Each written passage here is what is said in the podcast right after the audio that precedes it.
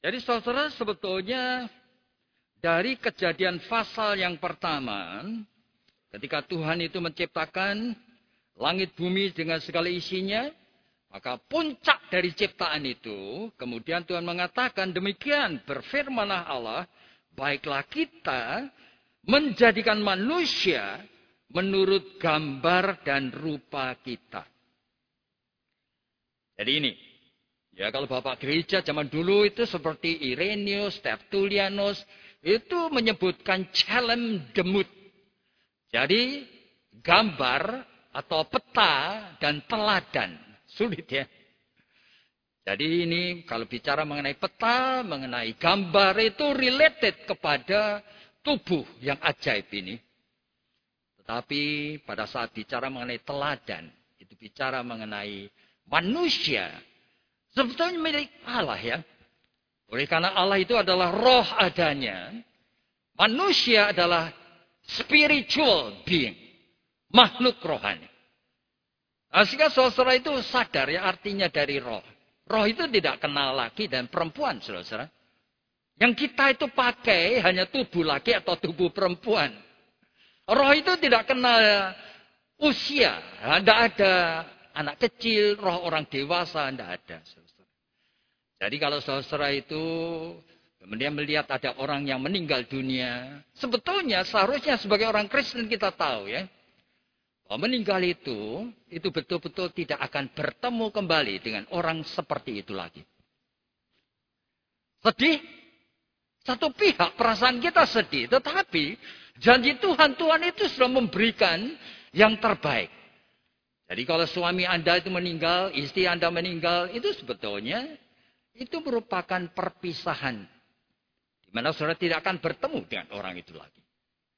Ya, dalam Matius pasal 22, itu orang Saduki itu tanya sama Tuhan, Tuhan ada orang suaminya meninggal. Nah, sesuai dengan hukum Allah kan boleh menikah lagi. Lalu meninggal lagi. Menikah lagi, meninggal lagi. Sampai tujuh semuanya menikah sah. Lalu mereka tanya, di surga suaminya yang mana? Ini pertanyaan yang bagus ya. Yesus mengatakan apa? Kamu itu sesat. Kamu tidak ngerti di surga itu tidak ada kawin atau dikawinkan, tidak ada suami istri, tidak ada laki-laki dan perempuan. Jadi pada saat orang meninggal, kita harus ingat sebagai orang Kristen, bahwa saudara itu pada saat diberkati pernikahannya di gereja ini, saudara akan membuat promise. Promise dia janjinya apa? Aku akan mencintai engkau. Sampai maut menceraikan kita. Itu prinsip iman Kristen. Saudara jangan takut. Tuhan menyediakan nanti tubuh yang baru, sukacita yang tidak lagi membutuhkan ikatan-ikatan emosi seperti sekarang ini, saudara. Jadi saudara akan mendapatkan tubuh yang baru, tubuh surgawi, tubuh kemuliaan. Oke, okay? jadi pada saat kita berbicara mengenai image of God atau peta dari gambar dari Allah. Ya, saya khawatir, saudara. Kalau saya itu menjelaskan secara teologi ya, itu konsep-konsep pemikiran banyak teolog begitu. Jangan-jangan khotbah ini nanti hanya menjadi suatu objek untuk dipikir-pikir. Dan menjadi pikiran kognitif saudara untuk memahami mengenai apa itu peta dan gambar Allah. Nah, saya percaya tidak boleh begitu. Jadi kalaupun topiknya ini adalah gambar Allah. Tetapi fokusnya itu adalah apa yang sebenarnya terjadi. Dan apa yang kita alami sebagai gambar Allah. Makanya, saudara di samping ada satu ayat tadi, saya sebetulnya akan mengutipkan dua bagian. Tidak usah dibaca, saya akan hafalin aja.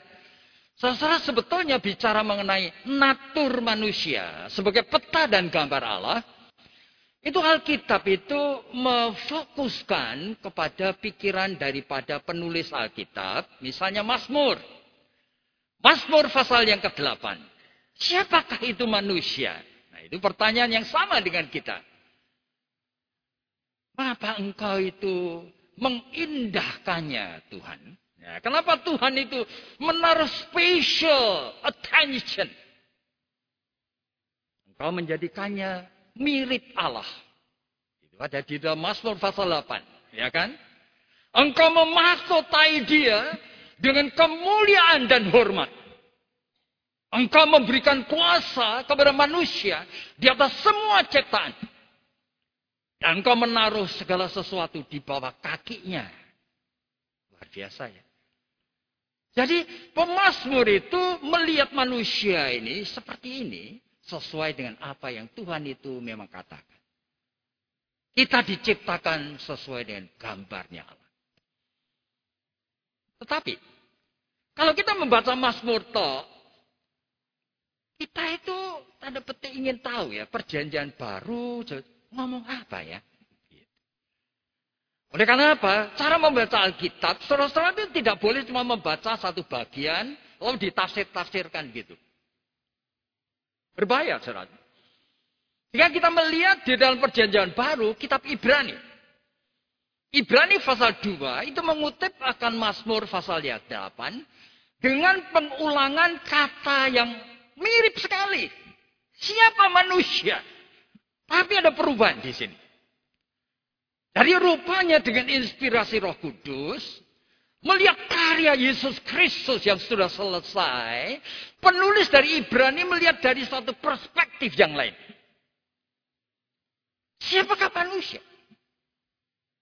Lalu, engkau menciptakan sedikit lebih rendah dari malaikat. Gitu ya.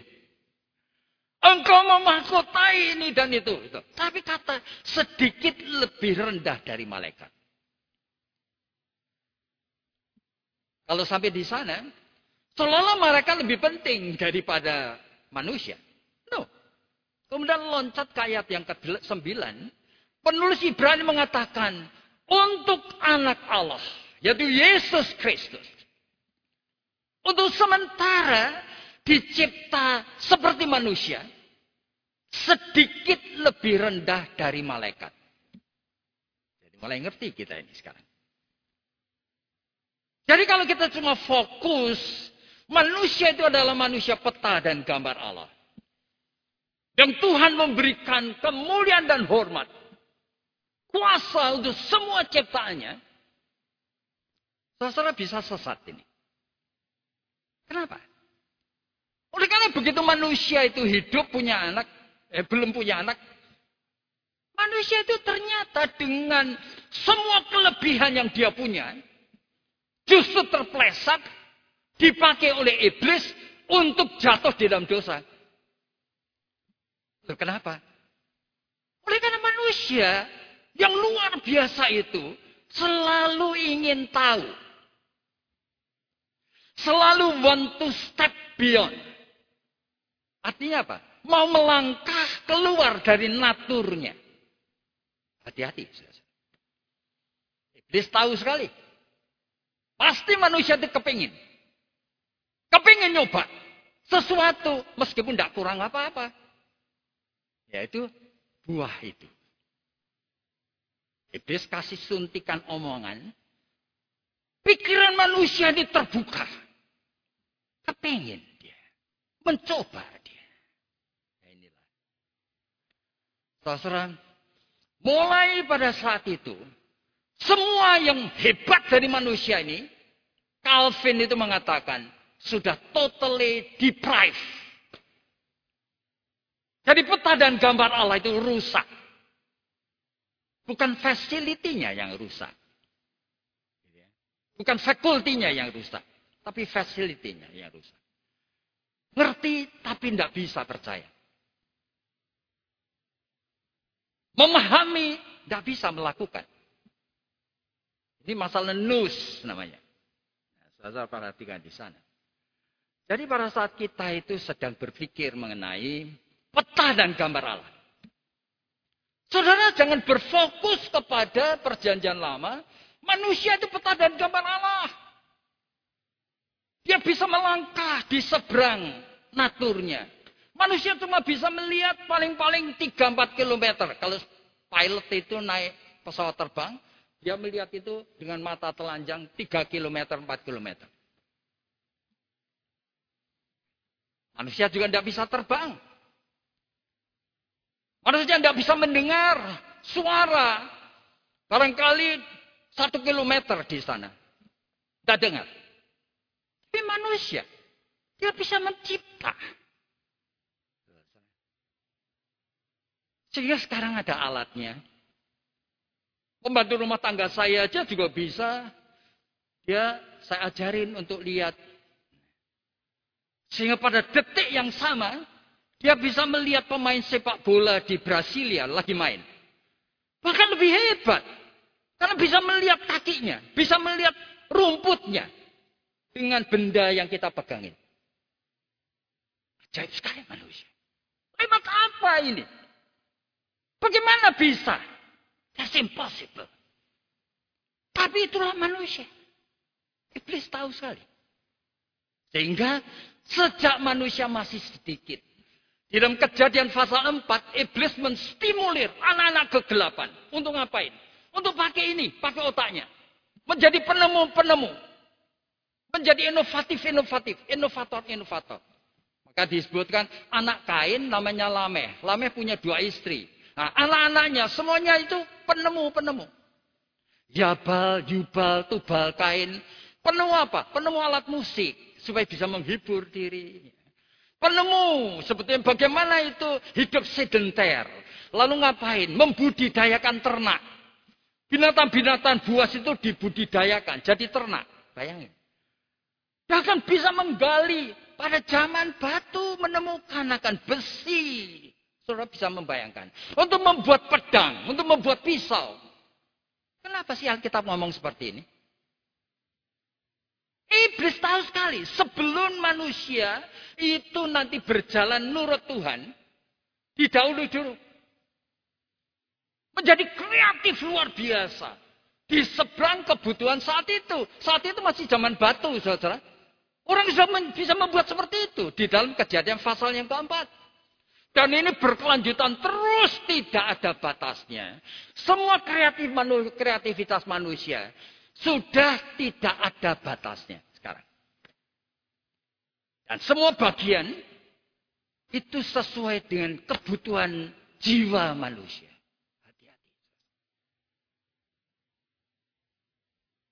Dua bulan yang lalu saya khotbah di sini, saya akan cerita. Seorang hamba Tuhan di Amerika itu dengan bangga cerita bahwa anaknya, ya kan, sekarang ini tanda petik, sudah bisa masuk tim tenis.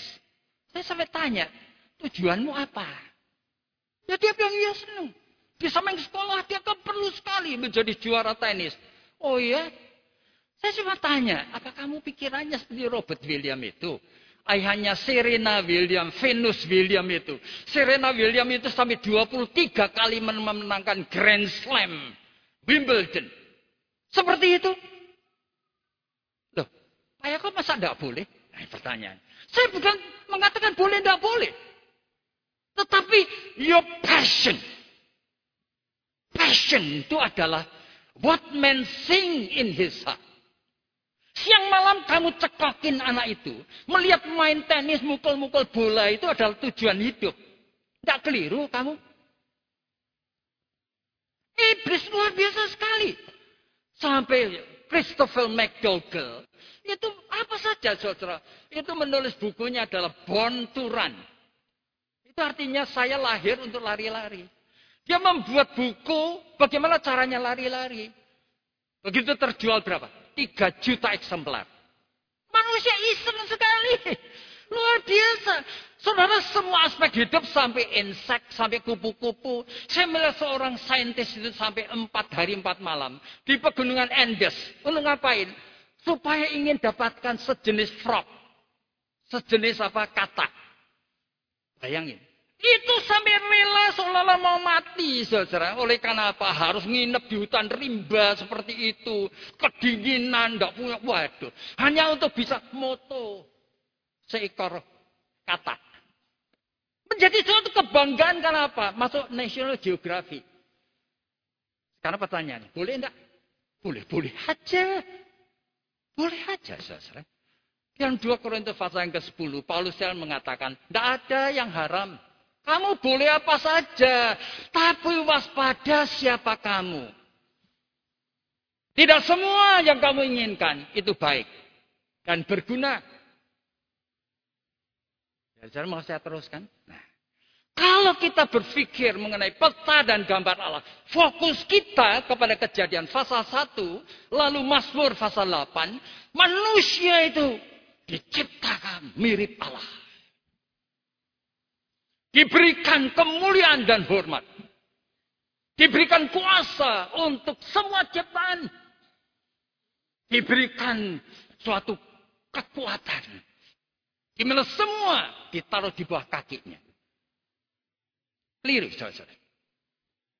Ini sudah kebablasan. Apa sekarang tidak boleh orang Kristen kreatif? Ya boleh-boleh aja. Tapi sudah kalah cepat dengan permainan iblis. Saudara sudah dikuasai semua.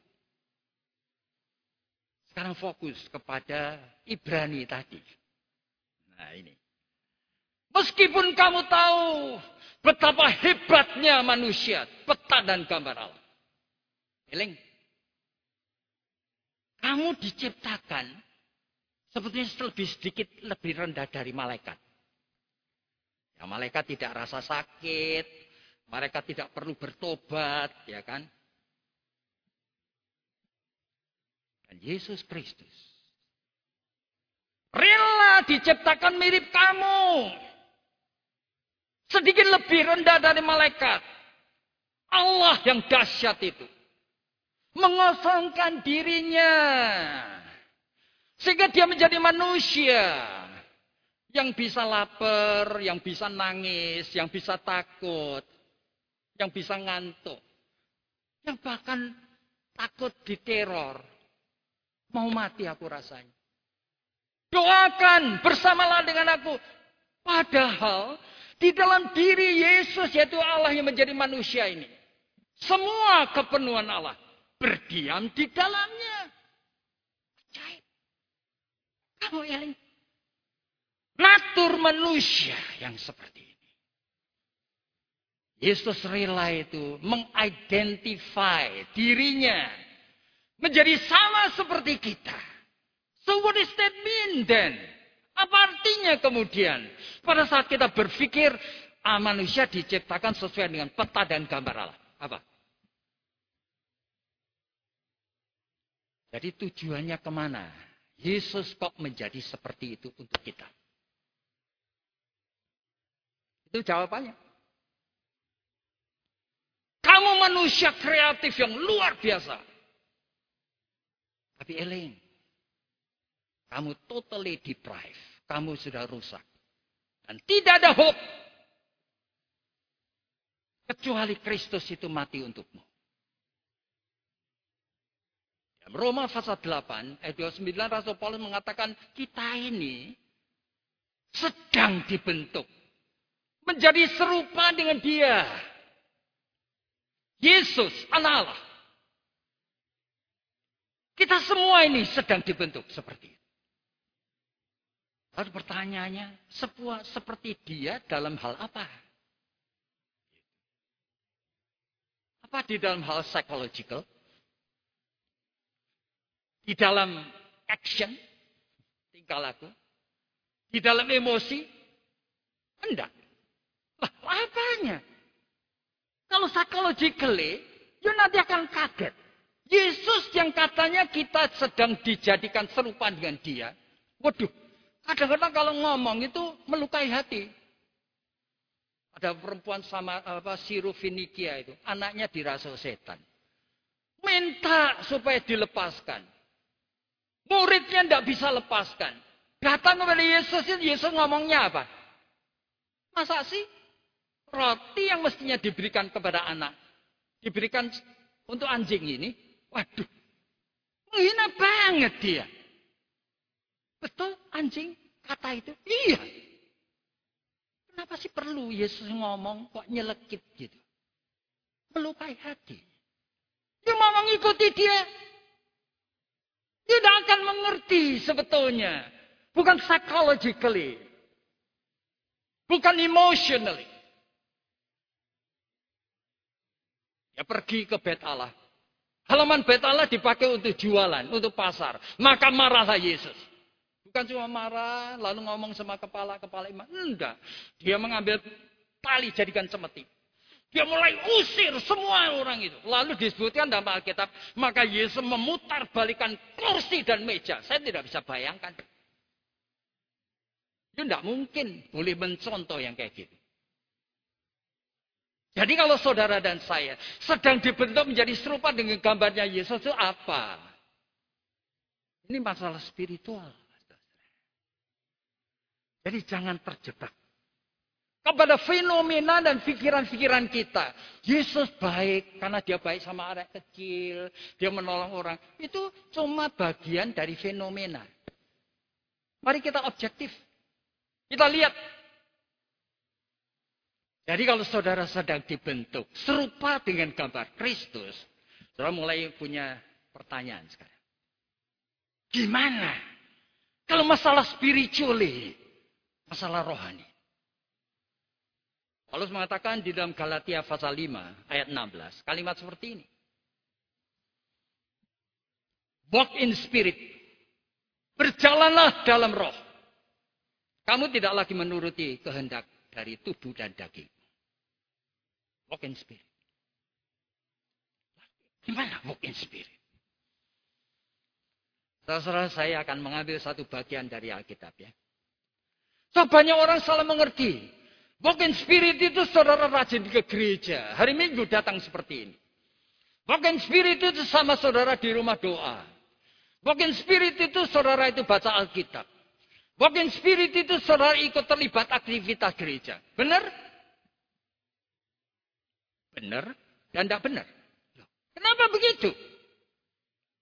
Oleh karena spirit itu bukan seperti ini. Loh, apa ini?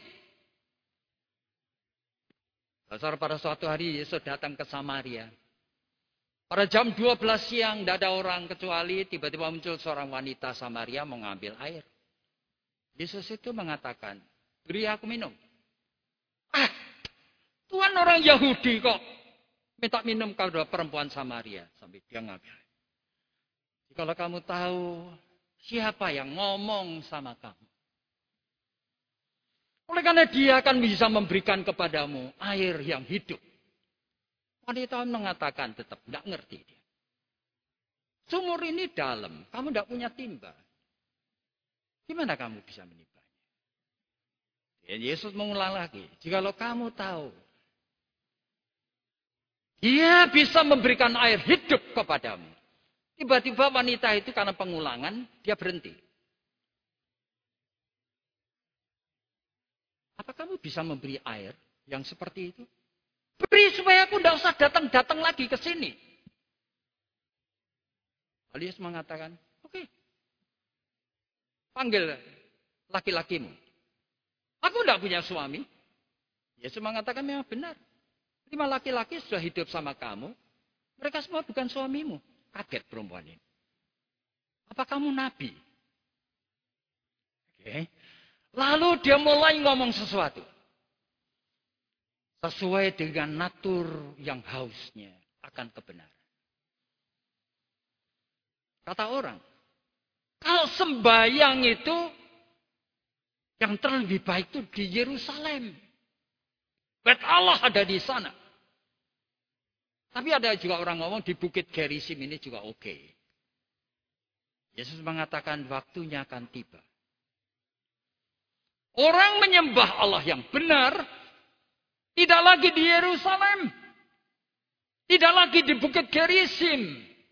Orang akan menyembah dalam spirit and truth. Gimana itu? Tidak lagi di Yerusalem. Tidak lagi di Gerisim. You mau menjadi teladan mengikut Yesus. Ini masalah spiritual. Ini bukan masalah agama. Dia mau datang setiap hari pun ke gereja. Itu tidak ada gunanya jika lo sudah tidak mengerti spiritual. Dia akan ikut aktif di gereja. Sampai ikut PI ke pedalaman Kalimantan atau Irian. Bocai. Jika lo sudah tidak mengerti apa yang Tuhan maksud dengan spiritual. So what does that mean? Nah, yang Yohanes pasal 4 tadi disebutkan menyembah Allah yang hidup. Harus dituntun roh kudus. Oleh karena hanya bisa menyembah dalam spirit and truth. Apa lalu tidak boleh kita kebaktian seperti ini? Tidak boleh kita ada persekutuan doa? Tidak boleh ada kegiatan-kegiatan sekolah minggu? Boleh-boleh aja. Tapi belajar dari Alkitab dong. Efesus, Laodikia, Efesus itu gereja terbaik di dunia saat itu. Yang memuji Yesus Kristus sendiri. Aku memuji engkau. Oleh karena engkau tidak kenal lelah. Dari satu jemaat menjadi tujuh. Berarti PI, PI. Ada duka cabang. Wah, oh, hebat. Aku memuji engkau. Engkau tidak mengenal lelah. Sehingga engkau melakukan discipleship untuk jemaat. Sehingga seluruh jemaat ini ngerti teologi ya. Seorang pendeta yang namanya Nikolaus itu lagi khotbah. Langsung ngerti ajarannya sesat ini. Gak benerin. Hebat kamu. Bahkan kamu rela menderita. Luar biasa kan? Tapi Yesus mengatakan. Tapi kamu tidak mencintai aku. Kamu sudah lama kehilangan first love. Aku akan membuang kamu. Aku akan menyingkirkan kaki diamu. Semua tingkah laku agama itu boleh aja, tapi jangan berhenti di sana. Itu bukan tujuan. C.S. Lewis itu mengatakan, semua yang kita lakukan ini, just persis kita masuk ke ruang tamu saja. Saudara kalau pergi dokter, ada ruang tamu, duduk. Saudara belum masuk ketemu dokter, ya tujuannya tidak tercapai dong. Jadi semua kegiatan rohani itu boleh, tapi jangan mandek dari situ. Nah, sederhana toh. Saudara baru masuk ruang tamu ini kata C.S. Lewis. Saudara belum ketemu dokternya. Kenapa sudah pulang? Ini yang terjadi, saudara. Semua gereja besar di dunia tujuannya adalah membuat gereja makin banyak orangnya. Target Membuat gedung gereja yang jami luar biasa sekali. Target. Padahal Yesus sudah mengingatkan. Lukas pasal 16 mengatakan apa? Ingat pikiran. Jika menginginkan sesuatu yang mewah, dipuji dunia. Lukas 16 mengatakan, segala sesuatu yang dikagumi dunia, dibenci Allah. You mau dibenci Allah? Hanya oleh karena punya gedung gereja yang hebat dikagumi dunia. Yakobus pasal 4 ayat 4 mengatakan apa? Persahabatan dengan dunia. Permusuhan dengan Allah. You mau bermusuhan sama Allah? Hanya oleh karena kamu sudah bersahabat. Sampai lurah, camat, semuanya itu kagum gerejamu. Bisa memberikan sembako, bisa apa. Itu itu masih di ruang tamu, saudara. Yang penting yuk ketemu dia. Dia yang sudah menebus dosa. Jangan mandek di sana. Meskipun semuanya boleh. Pada saat kita itu walk in spirit. Roh Kudus menuntun apa? Nah, kita lihat. Yohanes pasal 14, Yohanes pasal 16. Itu firman Tuhan ngomong apa? Roh Kudus akan menuntun kamu masuk ke dalam semua kebenaran. Sekali lagi, bukan cuma kebenaran psikologis, bukan kebenaran emosional, bukan kebenaran fisikal, bukan kebenaran rasional. No, no, no. Spiritual. Aduh, Pak Yakob itu ngomong kok terus spiritual ya, gitu. Saudara saya terpaksa harus mengatakan ini. Saudara 50 tahun lebih. Gereja seluruh dunia ini sudah menjadi korban dari budayanya karismatik. Mulai tahun 60-an, karismatik itu masuk Indonesia. Mereka itu kumpulan dari orang yang sebetulnya itu gelisah terhadap gereja yang ada.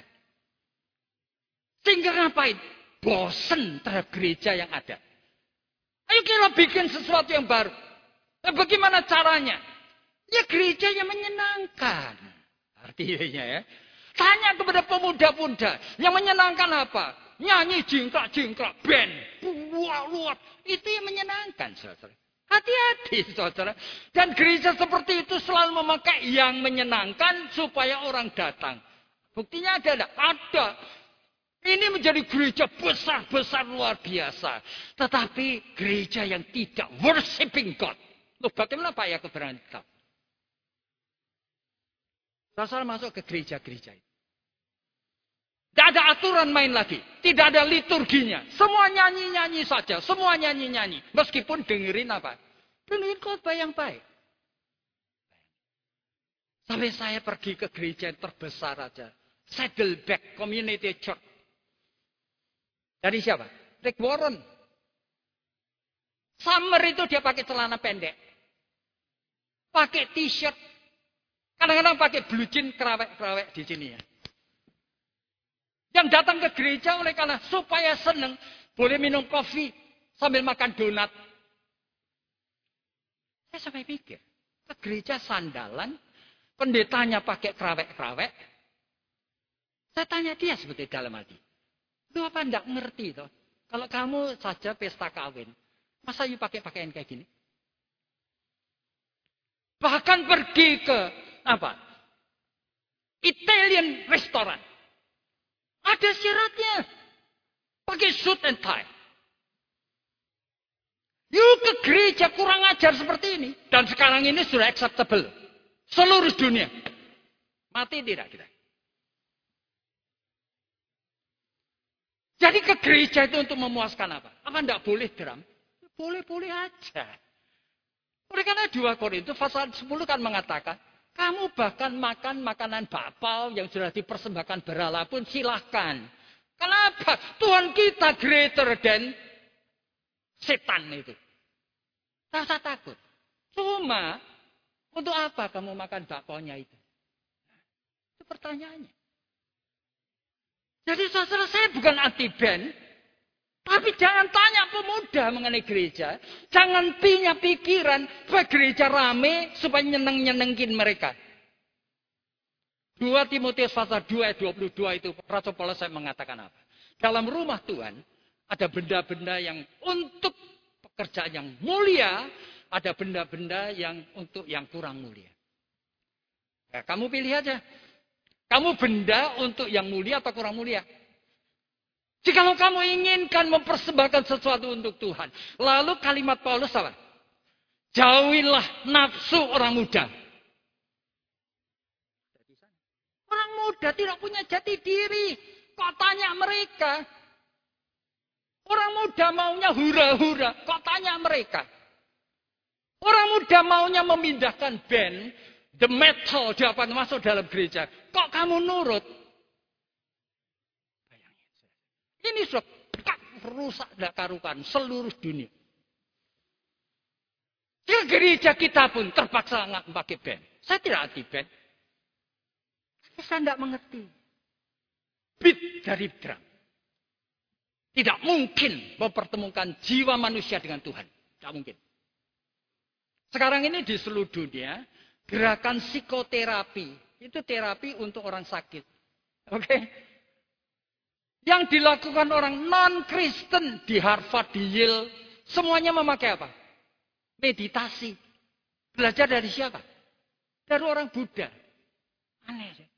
Karena mereka tahu yang terdalam jiwa manusia itu tidak bisa keluar tanpa ketenangan batin. Ya mau apa di dalam gereja, gedebukan, tidak mungkin menyembah Tuhan. Jangan kita bertoleran hanya oleh karena saudara pengen supaya pemuda-pemuda saudara tidak keluar. Jangan takut saudara. Yesus di dalam Yohanes pasal 6 aja. Ditinggalkan semua orang karena menegakkan kebenaran. You and me, muridnya Yesus atau muridnya daripada motivator yang ingin gathering orang semakin banyak. Hati-hati. Kita berada di dalam persimpangan jalan kayak gini. Jadi pada saat kita itu berpikir, Tuhan, saya bertanya kepada Tuhan, Tuhan saya masih khotbah apa ini ya? Mazmur pasal 8 ngomong gitu. Tapi saya, Alkitab ini satu kesatuan. Perjanjian baru-baru mengungkap. Gunanya memahami natur sebagai peta dan gambar Allah. Supaya kamu mengerti Betapa Allah itu rela mati, mengosongkan diri dan menjadi manusia. Dalam 2 Korintus itu disebutkan, seolah-olah dia menjadi manusia berdosa begitu untuk menyelamatkan kita. Jadi sebagai natur dan manusia, peta dan gambar Allah. Yang terpenting itu adalah spiritual. Ini bukan masalah psychological. Gereja penuh, gereja disukai orang. Gereja-gereja kayak gitu pasti disukai orang. Apa lalu kita anti drum? Juga enggak. Silakan main drum. Tapi jangan nurutin pemuda. Yang tidak mengerti akan Alkitab. Tidak punya teologi. Mereka hanya punya selera. Selera mau hura-hura. Jangan ikuti mereka. Mari kita bersama itu datang kepada Tuhan. Tuhan, anakku laki-laki, anakku perempuan, pemuda. Tidak punya selera dengan ibadat yang tenang. Ada liturginya. Gimana? Mintalah sama Tuhan. Jangan memakai rekayasa dunia. Oleh karena Tuhan itu sedang dealing dengan manusia rohani. Dan kita ini. Biarlah nama Tuhan dipermuliakan. Termasuk melalui ibadat pada pagi. Mari kita tunduk kepala dan kita berdoa. Tuhan kami tahu kami semua orang lemah.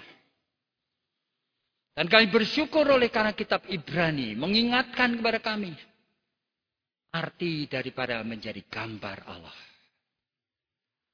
Yaitu manusia rohani yang sedang dibentuk menjadi serupa dengan engkau sendiri. Ini bukan masalah psychological. Bukan masalah emosional. Tuhan tolong kami. Supaya kami memahami betapa krusialnya kondisi gereja-gereja di seluruh dunia saat ini. Tolong melalui GKI Greenfield ini. Kami bukan lalu menjadi anti ini, anti itu. Tuhan kami tidak menginginkan itu.